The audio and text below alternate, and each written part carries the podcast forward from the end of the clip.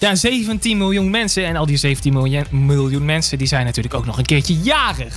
Dat is natuurlijk ook altijd leuk. Wanneer ben jij jarig? 22 februari. Ah, dat is net geweest. Ja, ik jij? 9 maart. Oh, jij bent ook net Dus ik jarig heb zeg geweest. maar net mijn Ja. verjaardag nog kunnen vieren voor familie. En toen zou ik dus een week later dat doen voor, eh, nou ja, voor vrienden. En dat kon niet. Ah, dat is wel balen. Ja, maar ik heb het nu ergens in, in juni gezet. En dacht ik, nou, dan gaan we gewoon op het strand anderhalve meter uit elkaar. Dat- oh, wat leuk. eh, Ja, je woont natuurlijk in Haarlem, dus dat is ja, goed te doen. dat is goed te doen. Ja, dus, eh, dat is dan weer leuk. Maar eh, er zijn natuurlijk ook heel veel kinderen die jarig zijn. En ja, die kunnen geen kinderfeestje geven. En dan is daar Vinci. En Vinci, wat doe jij? Eh, ik maak voor de kinderen in de basisschoolleeftijd, dus tot en met 12 jaar, maak ik kaartjes als ze eh, in de coronatijd jarig zijn, zeg maar.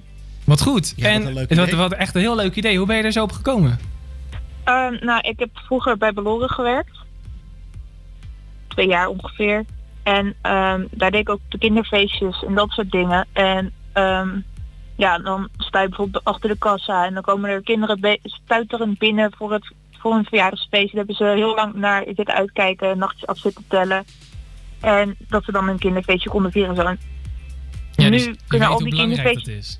Ja, en nu kunnen al die kinderfeestjes niet doorgaan. Eh, ze kunnen niet eens op school tracteren, want de scholen zijn dicht. En alles valt in het water, zeg maar. Maar voor een kind is een verjaardag wel echt een van de belangrijkste dingen waar ze naar uitkijken. Zo, Ja. dat weet ik nog van, vanzelf van vroeger. Ik, hoe belangrijk mijn verjaardag wel niet was. De kinderfeestjes natuurlijk. Ja, absoluut. Hey, en hoe, hoe werkt dat dan? Want je, je maakt dan eh, eh, kaarten. En de, de- komen dan ouders bij jou of hoe, hoe gaat dat? Eh, ik was begonnen met een oproep op Facebook. Volgens mij had ik die 15 maart of zo geplaatst. En toen stroomden de reacties binnen en het werd iets van 66 keer gedeeld of zo. Dus En, en maak, jij die, maak je die kaarten dan echt helemaal zelf? Knip je ze, Ja. plak je ze? Helemaal zelf. Zo netjes. En wat, is je, wat zijn jou dan... Daar ben ik gewoon benieuwd naar. Wat is je favoriete kaart? Hoe zien die eruit? Eh, nou, ik maak dus van die kaartjes met karton en die kun je dan an- eh, als kinderen dan aan een kartonnetje trekken, dan eh, komt een komt, dan schuift dat omhoog ze zeg maar en dan komt hun naam en gefeliciteerd en hun leeftijd en zo komt dan eh, binnen. Maar op dat kartonnetje plak ik een soort van krimpfolie en dan met een favoriete dier of met een eh, als we bijvoorbeeld van Frozen houden, dan plak ik er Elsa of Oh ja. Olaf, dat soort dingen. En ik denk mm, de mooiste die ik tot nu toe heb gemaakt was denk ik wel eentje ehm, in het Harry Potter thema. Oeh, kijk. Dus, maar ehm, dan komen ze dus eigenlijk, die ouders, met een, met een soort eh, wensenlijstje. Of niet? Mm, nou ja, ik vraag dan ehm, wat de kinderen leuk vinden, wat hun lievelingskleur is, hoe oud ze worden, waar het kaartje naartoe kan. En dat is zeg maar, ook- en dan maak ik daar op basis een kaartje van. En hoeveel heb je er al gemaakt? Ehm, ik heb er nu, even mijn lijstje erbij pakken, ehm, 162 gestuurd. 162? Oh. Ja, sinds 16 maart zeg maar. En hoe lang ben je bezig met één kaart? een uur tot anderhalf uur. Zo.